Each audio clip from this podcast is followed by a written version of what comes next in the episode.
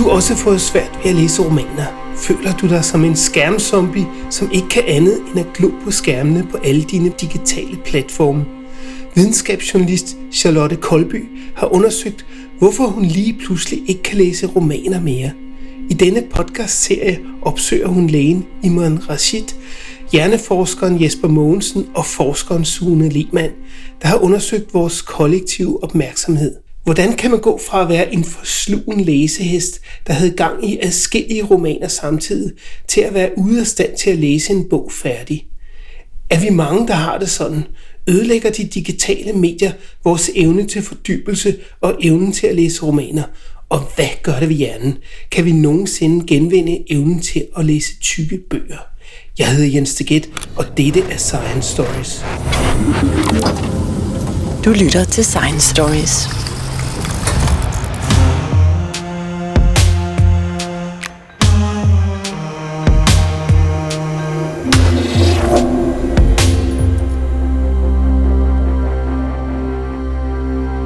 Jeg var en læsehest.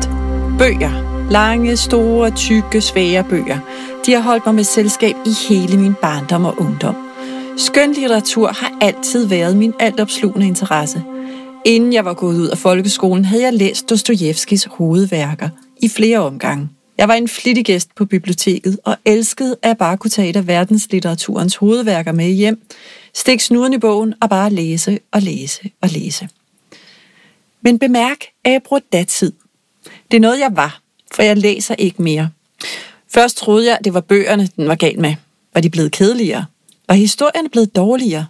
Når jeg købte en bog, som havde fået fremragende anmeldelser, kunne den ikke rigtig fænge mig. Jeg lod den ligge halvlæst på hylden og gik i gang med en ny bog. En dag slog det mig, at jeg havde en helt hylde fyldt med halvlæste bøger. En kirkegård for bøger. Jeg forsøgte at gå tilbage og genlæse romaner, som havde begejstret mig og holdt mig vågen til langt ud på natten, da jeg læste dem første gang. Men også de fandt hurtigt deres plads på hylden med de halvlæste bøger. Det måtte altså være mig og ikke bøgerne, som havde forandret sig. Jeg skød skylden på mit job. I mit arbejde som videnskabsjournalist skimmer jeg et stort antal tekster dagligt i min søgen efter gode historier at skrive om. Jeg leder med andre ord utålmodigt efter godbiderne blandt alt det, jeg læser. Jeg overgiver mig ikke bare til ordene og lader mig flyde med. Men er det kun mit arbejde, der er skyld i, at jeg ikke overgår at læse romaner længere? Og er det kun mig, der har et problem med romanlæsningen? Jeg begyndte at tale om mine læsevanskeligheder i min omgangskreds blandt venner og kolleger, og flere havde samme oplevelse. Bøgerne var blevet overflødige. Og så var det, at jeg begyndte at lægge mærke til, hvad jeg havde skiftet bøgerne ud med. Og det var ikke overraskende skærme. Netflix, Facebook, YouTube og alle de andre digitale platforme, der leder dig ind i en digital labyrint, hvor det hele tiden er noget nyt at finde. Bare mens jeg sidder og skriver den speak, skrev min datter til mig på Messenger, hvorpå jeg så lige hoppede over på Facebook, hvor jeg lige faldt over et gammelt filmklip, der hævde mig hen til et andet gammelt filmklip.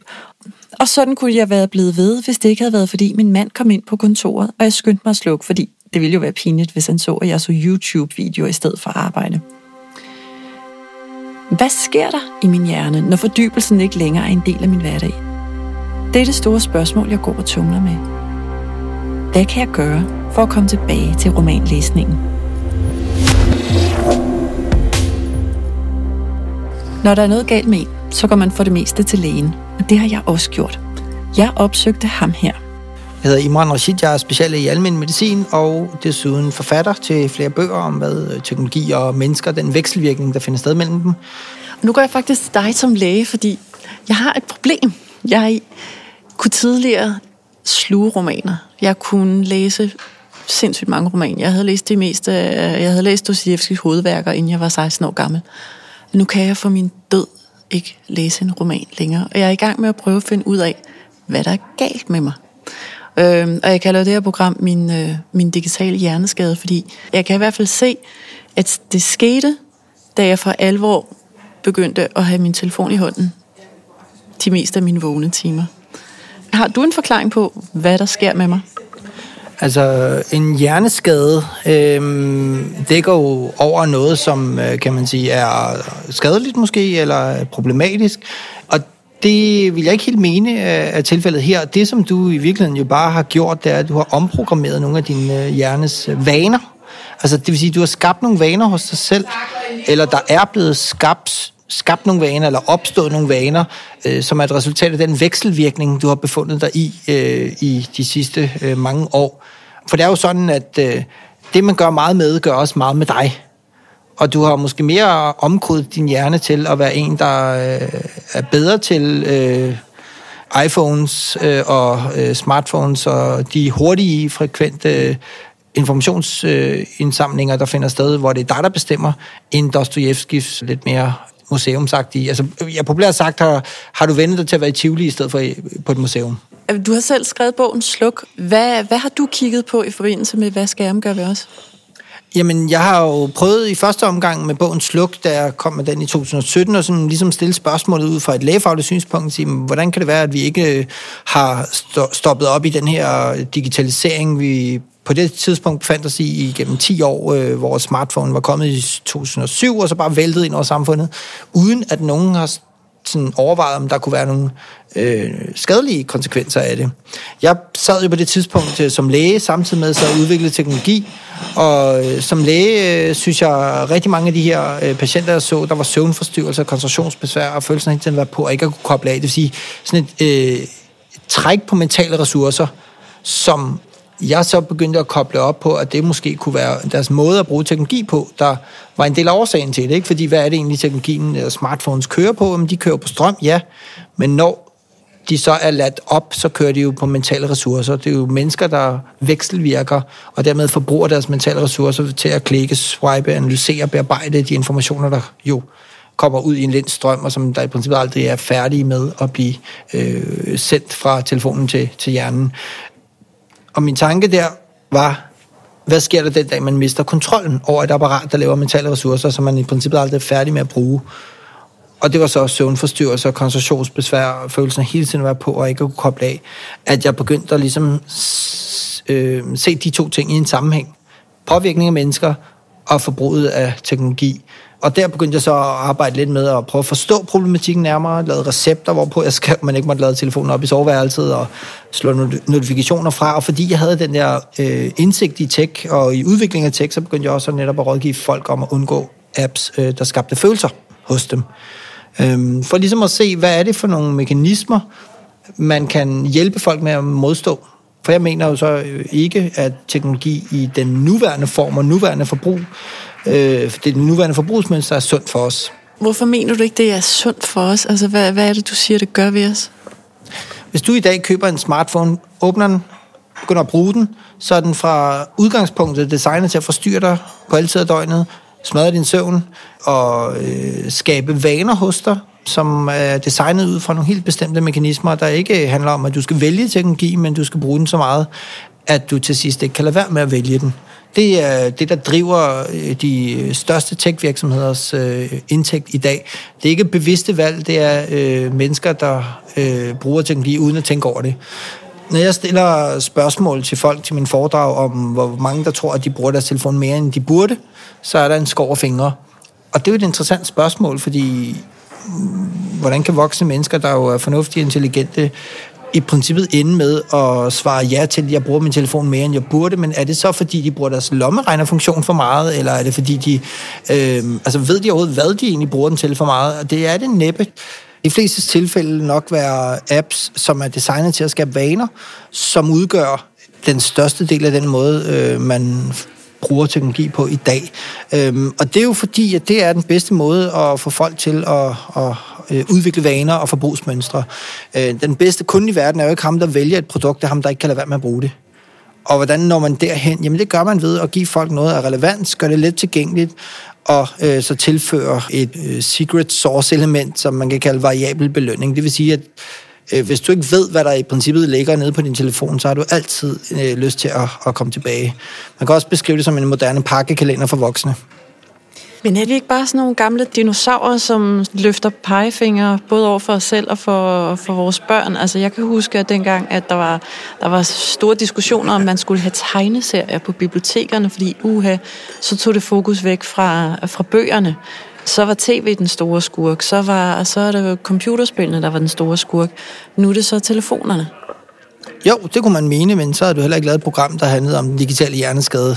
Man kan godt have nogle, øh, nogle bekymringer, når der sker nogle store skift i samfundet i forhold til kulturen, og det er fuldstændig rigtigt. Det kan være lige fra tv til radio, til rock, øh, rock and roll, hvor alle øh, var bange for, at folk blev satanister, øh, til, til, til øh, nogle af de her øh, senere års øh, digitale øh, medier, der ligesom er kommet ind. Forskellen består dog i, at øh, tegneserien vidste ikke, hvem du var.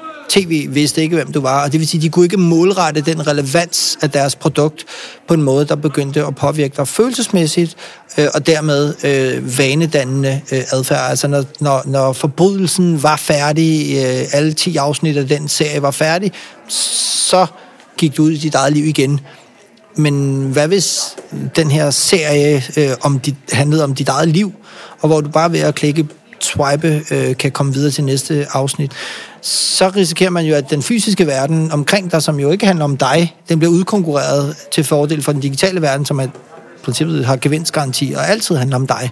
Og det er den vekselvirkning, hvor vi ligesom begynder at blive mere og mere optaget af noget, der er let tilgængeligt, altid relevant, der er altid noget at komme efter, øh, og som øh, aldrig er opbrugt. Øh, fordi den eneste, det eneste værn, du har over for at udvikle impulsive adfærdsmønstre i forhold til din telefon, det er den spinkle, lille, bitte hjernefunktion, man kalder impulskontrol. Altså evnen til at øh, udskyde behov, øh, som desværre for det første viser sig at være begrænset, og for det andet jo faktisk skal bruges til andet end at lade telefonen ligge i lommen, nemlig øh, på at kunne leve op til voksenlivets forpligtelser, heriblandt dit arbejde, dine børn, øh, dine relationer, og i det hele taget også de vaner, du godt kunne tænke dig at bruge øh, hos dig selv. Kan du se, hvad det er for nogle hjernesystemer, der bliver aktiveret mere, når jeg bruger telefonen frem for, at jeg læser bogen? Ja, altså det øh, spørgsmål er jo super interessant, og det er også noget af det, jeg har brugt de sidste par år, efter at have skrevet Sluk. Øh, der var lidt den her undren, øh, som så blev efterfulgt af en anden bog, der kom her i 2019, der hed Offline. Undskyld. Nej. Øhm, ja. Vi sidder lige og... Jeg har mistet min mobiltelefon. Skal jeg ringe til den? Vi blev afbrudt af en dame, der febrilsk ledte efter sin telefon. Hun bragede ind i lokalet, hvor jeg interviewede Imran Rashid. Hun begyndte larmende at tømme sin taske for indhold, og ænsede slet ikke, at hun var stærkt forstyrrende. Frustreret forlod hun lokalet i sin søgen efter sin telefon. Hendes reaktion på at have mistet sin telefon er netop et godt eksempel på den eksistentielle angst, mange af os oplever, når telefonen er uden for rækkevidde. En rundspørg viste, at amerikanske unge i alderen 20-35 år hellere ville undvære at spise slik i en uge, end at lægge telefonen fra sig en enkelt dag. De vil også hellere miste stemme i 24 timer, end miste telefonen for en enkelt dag. Tilbage til Imran Rashid der altså ikke selv har forsket i vores brug eller forhold til digitale medier, men som er dykket ned i den videnskabelige litteratur. Ja, til øh, noget af det, som jeg øh, i de senere år har prøvet at ligesom få armene rundt om, det er jo den her sådan, diskussion om, hvad det egentlig er, der sker med mennesker, når man udstyrer dem med smarte øh, teknologier som smartphones, iPads og den slags ting. Den viden, der er omkring måden, vores hjerne fungerer på, den har sådan lidt bragt mig frem til en ret overraskende og måske nok også en ret chokerende konklusion, nemlig at vi ikke er de mennesker, vi tror, vi er. Vi er intelligente, fornuftige, rationelle, øh, har øh, vilje, øh, men bare en, en forsvindende lille del af tiden. Resten af tiden, der er vi impulsive, emotionelt styrede, vanestyrede individer, helt op til 90-95 procent af tiden måske. Det ved man ikke, men i hvert fald størstedelen af ens liv består af vaner. Problemet er, at når de vaner, de ligesom udspiller sig, så er man ikke bevidst så ved du ikke, hvad du laver. Øhm, fordi øh, de to systemer lever lidt øh, side om side, og det er jo også det, som er beskrevet i Kahnemans øh, at tænke øh, hurtigt og langsomt, øh, som han, det arbejde, han fik Nobelprisen for. Øh, og det har jeg ligesom prøvet at forstå indvirkningen på. Vi har jo lige oplevet en kvinde, der lige øh, virkede ret oprevet øh, og lige brød ind og var sådan helt ud af sig selv, fordi hun havde mistet sin telefon nu her. Ikke? De følelser, der ja. opstår, det er jo fordi, det er jo ikke en iPhone, det er en iPhone. Altså det er, hvis hun havde mistet sin øh, lomregner, så havde det ikke været lige så problematisk, vel? Altså, det er jo noget, der er følt, man er jo følelsesmæssigt øh, tilknyttet. Det er også noget, det jeg har fundet frem til, når jeg ligesom har lavet nogle øh, surveys blandt hundredvis af gymnasieelever, og, øh, eller tusindvis af gymnasieelever, og hundredvis af virksomheds, øh, virksomheder rundt omkring, som hvor man prøver ligesom at afdække, hvor meget af det tech-brug, du har i, i hverdagen, er noget, du vælger, og hvor meget er det noget, som i virkeligheden bare er blevet nogle vaner, men som er installeret i dig udefra igennem følelsesmæssige påvirkninger og uforudsigelige belønninger. Og der er bare ingen tvivl om, at der er kæmpe forskel på det, folk tror, de gør, og det, de reelt set ender med at, at bruge en stor del af deres tid på. Du siger du uforudsete belønninger. Hvad er det, der, der er så tiltrækkende ved det? Altså noget af det, man jo ved, øh, der kan påvirke hjernens evne til at frigive bestemte belønningshormoner. Der er jo forskellige systemer, altså når vi spiser chokolade, eller hører musik, eller udvikler interesser, alt det, der føles godt, smager godt, lugter godt. Øh, det ved man er koblet op på øh, nogle bestemte hormoner i hjernen. Der er blandt andet et hormon, der hedder dopamin, som er sådan en ting, der er med til at drive mennesker i en bestemt retning, fordi at det er sådan det, der er med til at fortælle os, at øh, det her, det var godt for dig, gør det igen. Og det er jo ikke sådan, det er sådan øh, efter ting, som at overvejet beslutning, hvis øh, et barn får en svingtur, og lige sekundet efter siger igen. Det er, føles godt, gør det igen. Øh, man kan også sige, det er det, der driver os, når vi sidder og spiser popcorn det er jo salt spis, salt spis. Det er ikke sådan, nu skal jeg vælge popcorn nummer 45, nummer 46. Det er jo ikke et bevidste valg. Man gør bare noget, hænderne kører i en rutine, øh, som er opstået, fordi at det smager godt. Det vil sige noget, der belønner os, eller føles godt i os. Det kan forme en bestemt adfærd. Og det er i princippet det samme, der kan ske, når man sidder og spiser digitale popcorn.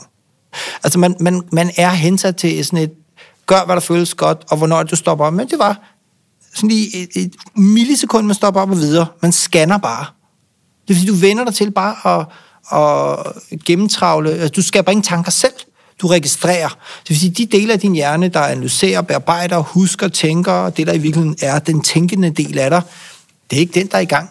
Det er bare den øh, følelse godt, hvad er det, jeg ser på? Altså, det er øjnene, der registrerer, og fingrene, der samler op. Synes du ikke, at din dom er lidt for hård i forhold til de her digitale popcorn, som du kalder det? Tror du ikke, der, er, der, der må der være nogen meningsfuld aktivitet, når vi sidder i telefonen? Jeg kan da også godt læse nogle interessante artikler. Jeg kan da godt i hvert fald føle mig, at jeg har, jeg har fået noget med. Øh, vi kan også mobilisere rent politisk, kan vi jo både på godt og ondt også der, øh, hvor, alt efter hvor man ligger på det politiske spektrum. Men der, man kan jo bruge de her sociale medier til mange ting også. Nu kommer der en kontroversiel udtalelse. Jeg tror, at vi... Øh er havnet i sådan en intellektuel, øh, efterrationaliserende navlepilleri, øh, hvor vi tror, at vi er meget mere intelligente og får meget mere ud af vores telefon, end vi reelt set gør. Fordi der, hvor at du får sådan ret, det er jo en fantastisk idé at have adgang til alverdens information, når som helst, hvor som helst. Men problemet er bare, at din hjerne kan maks huske 4, 5, 6 ting ad gangen i arbejdsudkommelsen, Øhm, det vil sige, at vi bliver overloadet. Øh, vores kognitive belastning, den er så voldsomt massiv i forhold til det, vi tror. Så jo mere information, der kommer, jamen det gør os ikke øh, bedre til at bearbejde informationen. Og selvfølgelig kan man være opmærksom på at få adgang til alverdens viden, men det hjælper ikke noget, hvis det er en Fiat-motor i en Ferrari-bil.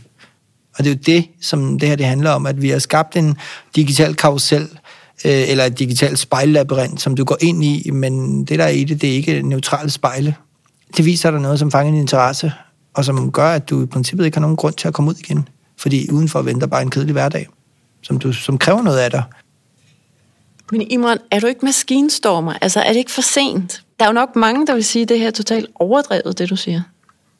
Man skal bare kigge ud i samfundet, og man skal bare mærke på egen krop. Øh, bruger du mere tid på teknologi, end, end du føler, du burde? For hvis du gør det, så er der jo en stor sandsynlighed for, at det ikke er noget, du selv har valgt. Og, og altså det her med at være maskinstormer, det er sådan set ikke, det i sig selv er egentlig ikke vigtigt øh, for mig. Øh, jeg er læge, det vil sige, øh, menneskers øh, menneskers biologiske, psykologiske og sociale sundhed interesserer mig, og det er det, jeg er uddannet i.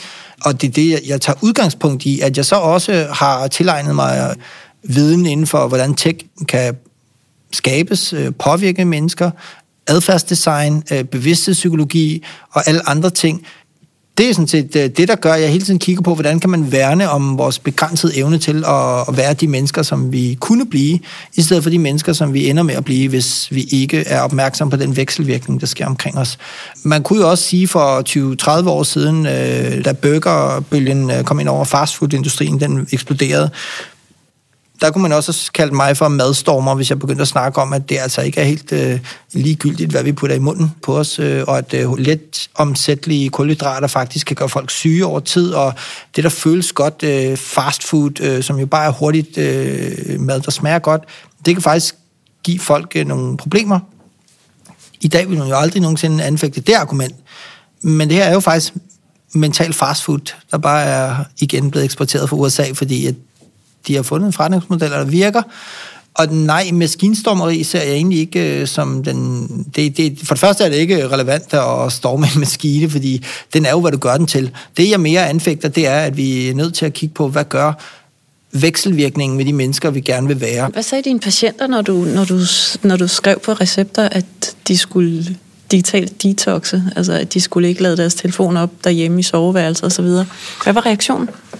Jamen det interessante her var jo, at jeg sagde jo ikke til dem, at de, de skulle digitalt detoxe. Det jeg sagde til dem, det var, at de er jo mennesker, så det vil sige, at de skal pleje deres søvn. De skal sørge for at få mere restitution. De skal sørge for, og også fordi det her, det er jo blind, altså det er jo, det er jo, det er jo blind, det er en blindgyde, eller det er, det er en blinde vinkel, som teknologien er kravlet ind i, ikke? Altså det er jo, jeg er jo nødt til at bruge min telefon, ikke? Eller jeg skal bare lige, øh, det, jeg, jo, mit arbejde er der, ja, men den er jo vanedannende. Og det er de usunde vaner, du er nødt til at begrænse. Ikke? Det er ligesom at sige, at jeg, altså det er ligesom at have en øh, vandhane. Øh, du er nødt til at drikke noget vand, ikke? men så er der lige pludselig stille og roligt over tid nogen, der begynder at tilføre lidt øh, sodavand øh, i, i stedet for, ikke? Altså lige, eller lidt saftevand i. Men som, hvis du så drikker mere og mere, så det er sjovt, at det så føles bedre at drikke noget mere vand. Ikke? Det vil så begynde at gøre samtidig, for du huller i tænderne. Det, der sker her, det er, at øh, du er nødt til at bruge din telefon til alle de praktiske ting, du har, men så begynder det at føles godt. Vi lægger slet ikke mærke til det. Det, det er ligesom at spørge folk, øh, øh, prøv at klø dig lidt mindre i hverdagen. Eller, hvor mange gange har du kløet dig i går? Det er der ingen, der ved. Okay, hvor mange gange har du så tjekket din telefon i går? Det er der heller ingen, der ved. Problemet er bare, at de to vaner er der kun en, der har bygget en milliardindustri op omkring. Ikke? At give mennesker evnen til at tjekke deres telefon så meget, så ofte muligt, så længe som muligt, at man mister kontrol. Men hvis vi vender tilbage til der, hvor vi startede, ja. øh, at øh, jeg går til dig, fordi du er læge jeg vil gerne kunne læse de her dybe romaner igen. Hvad vil du så råde mig til? Hvorfor vil du gerne læse noget mere? Hvor vigtigt er det for dig? Øh, det er jo sådan den første motivation, der, der ligger i det her. Ikke? Hvad, hvorfor vil du gerne læse Dostoyevsky? Øh, hvad, er det bare sådan en, sådan en øh, øh, strøtanke, du lige har? Det kunne da være meget rart at lige læse det en gang imellem. For hvis det, er det, det er, hvis det ikke er vigtigt for dig, hvis ikke at det er bundet op på en af dine værdier, som at du har... Fordi det her, det handler jo egentlig om, at der er et clash imellem noget, du godt kunne tænke dig, og noget, du reelt set gør. Og det er jo en del af et kontroltab. Så lad os prøve at kigge lidt på, hvad er din motivation for at komme over barrieren? Jamen, jeg havde nogle fantastiske oplevelser med øh, at læse Dostoyevsky. Jeg synes, at han var en fabelagtig forfatter. Jeg synes, at han åbnede min, min verden, min måde at tænke på, måde at anskue medmennesker på. Plus, jeg synes, han er sindssygt morsom også. Så det er noget af den læseoplevelse, om det så er Dostoyevsky, eller om det bare er fordybelsen i en roman. Men at jeg kunne godt tænke mig at kunne åbne en roman, og ikke være flere falde i søvn at have kommet på side 3. Det ligger dybt i mit, i mit selvbillede, at jeg er en, der læser bøger. Og nu er jeg bare en, der har bøger. De bøger, jeg engang læst stående på reolen. Men så, så det passer ikke i den, altså, i den, jeg opfatter mig selv som. Og måske er det, fordi at du ikke er den, du tror, du er. Den gjorde ondt. Men det er det, som er sandheden. Ja. Vi er kun det, vi gør. Vi er ikke dem, vi håber, vi var, eller dem, vi tror, vi er. Og jo større den afstand bliver imellem selvbilleder og reelle handlinger, jo længere tid der går, før man erkender, at den, man tror, man er, og at man har kontrol over sig selv, jo længere tid går der, øh, før man reelt set begynder at gøre noget andet, end det man plejer. Og jeg tror, det her, det, er ikke kun, det gælder jo ikke kun dig, at der er den her forskel imellem dem, dem man tror, man er, og den, man reelt set er. Fordi det er, øh, altså det første handler om nemlig at grave ned i motivationen, og så sige, jamen, hvad er fordelen ved at fortsætte, som du gør, hvad er ulempen ved det. Der er forskellige måder, man ligesom kan kravle ned og finde ud af, hvad er det altså hvor du virkelig sådan laver en form for arkeologisk, arkeologisk udgravning af din motivation for at ville ændre. Jeg plejer at kalde det sådan, øh, ligesom turen går til den vane, du godt kunne tænke dig, ikke? Som finde ud af, hvad er det egentlig for noget? Hvorfor vil du gerne ændre dig, men også, hvorfor gør du det, du gør i dag? Hvad er det for nogle behov, det dækker? Er det fordi, du keder dig? Er du blevet bedre til at kede dig? Eller er du blevet dårligere til at kede dig? Hvilke situationer er du i? Og så videre, så videre. Hvilke vekselvirkninger omgiver din nuværende adfærd? Det er sådan første step. for ligesom at være forberedt. Og så skal du ikke gå i gang med at ville læse Dostoyevsky, hvis du samtidig sidder og er presset på alle mulige ledere kanter, fordi det er ligesom alle andre dårlige vaner. Hvis man er stresset på arbejdet, så vil den her vanedel af dig sige, hey, gør det, der føles godt. Gå på jagt efter noget, der er rart, sjovt, spændende, interessant. Ikke? Så det vil sige, stresset på arbejdet og Dostojevski er måske ikke den samme ting. Der skal man have nemlig noget, der kræver noget af dig. Du skal bruge din impulskontrol til at læse Dostojevski. Det skal du ikke, hvis du bare skal sidde og stene Netflix. Og det er den setting, man er nødt til at starte med. Derefter, så kan man begynde, altså step 2 er, at man begynder at flytte sig selv. Det er små kontrollerede eksperimenter, men det starter med, at du i virkeligheden tydeliggør historien om dig selv. Det er det, man kalder narrativ identitet. For du er selvfølgelig, det passer ikke med den historie, du, du har om dig selv, men måske er den historie om dig selv ikke den rigtige. Måske skal du etablere historien om dig selv, som at du er en, der er i gang med at finde vej tilbage til romaner. For det kan man være i. Du kan ikke være i, i den konflikt, der ellers ligger i, øh, jamen, jeg plejede at være en, der, der skal du lave en historie, der rummer den, du er i dag. En, der øh, har fået en løbeskade, eller en læseskade, og som der er nødt til at arbejde øh, for at komme tilbage, genoptræning eller genoplæsning. øhm, og den måde at ligesom gribe det an på, det, så kan man lige sige, nå ja, det er det, jeg er. Og det vil sige, så, det, så fejler du ikke, når du prøver at læse Dostoyevsky. Så er du bare i en proces. Og der starter du måske med at læse en side. Start med at læse en side. E, en kedelig side, så kan du gøre noget andet. Næste dag to kedelige sider, tre kedelige sider. På den måde, man bygger gradvist op, så man ikke... Øh, altså, et, enhver bjergbestigning starter med det første skridt. Og det rigtige udstyr. Men det, der bare skal være i det her, det er, at det, du gør, det skal give dig en følelsesmæssig belønning. Du skal ikke læse en kedelig side. Du skal læse øh, nogle af de passager i Dostojevski, som du virkelig blev, som du husker tilbage på, fordi det er det, der vil kunne matche øh, kattevideoen. Hvor du mærker noget dybt, i stedet for at bare blive registreret noget sjovt. Og det er den følelse, det er jo virkelig som, øh, og du skal på date med Dostojevski igen, ikke? Fordi man bliver interesseret i mennesker, man bliver ikke interesseret i bøger. Og det er der, jeg tror, at man finder nøglen til at reelt set at, at udkonkurrere teknologi, fordi vi er bygget til andre mennesker. Og det er også det, der gav dig en oplevelse, fordi du beskrev jo Dostojevski, du sagde ikke, hans bøger er interessante, spændende, sjov. Du sagde, Dostojevski er sjov. Det betyder, at du faktisk igennem bøgerne skabte en relation til et andet menneske, og det er det, bøger kan.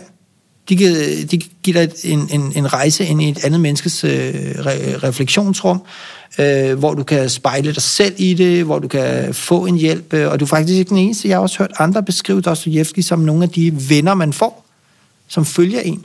Og det er det, som man er nødt til at genskabe. Det her, det er jo lidt som, at du har øh, ikke slået hånd, men du har mistet kontakten til en gammel ven. Hvor vigtig er han for dig? For hvis han er vigtig for dig, så er du nødt til at begynde at skrive breve til ham igen. Og det gør det ved at begynde at læse nogle af de, de, de, de ting, han vagte i dig. Ikke? Og så tror jeg, at når så man opdager, øh, hvornår skal jeg gøre... Altså, når man ligesom kommer i gang med at så de her vanefrø i sin hverdag, de begynder at spire, så er du nødt til at ligesom, sørge for, at de bliver lyst op med opmærksomhed, og de giver dig noget belønning i form af nogle oplevelser, og du begynder at værne om den, så er det så step 3, hvor du altså er i bevægelse, så er du nødt til at hjælpe dig selv ved at skabe rum, rammer, ritualer, refleksioner, relationer og reaktioner. Hvis du nu læser Dostoyevsky sammen med nogen, for eksempel, læser det på samme tidspunkt, samme dag, så du begynder at forme din adfærd omkring det, så vil du begynde at bygge den her nye vane op igen. Og det sidste er selvfølgelig, det fjerde trin, øh, det er øh, styr dig selv. Fordi når du begynder at ryge tilbage i den gamle fælde igen, der skulle du have nogle alarmer, der ligesom fortæller dig hov, øh, eller hvor du begynder at komme ud af rutinen igen, eller et eller andet den du der skal du ligesom have nogle, øh, hvad hedder det, setbacks og getbacks, altså hvordan kommer du tilbage på sporet igen, ikke? Og, og der tror jeg bare, øh, det er den måde, man skal bygge sig selv op på, fordi det handler om at lade din tænkende del lære din reagerende del at cykle, men hvor det er den tænkende del, der har styrepinden. Indtil at du ligesom opdager, at hey, jeg er en, der faktisk godt kan cykle selv. Jo mere jeg cykler, jo bedre bliver jeg, og nu kan jeg selv vælge, hvor jeg vil cykle hen. Du lytter til Science Stories. Imran Rashid har hjulpet mig et godt stykke på vej hen mod at blive romanlæser igen, men jeg kunne stadigvæk godt tænke mig at forstå, hvad der egentlig sker med min hjerne, når den stejler over romanerne og falder i søvn. I næste afsnit af Min Digitale Hjerneskade vil jeg opsøge hjerneforsker Jesper Mogensen fra Københavns Universitet for at få en dybere forklaring.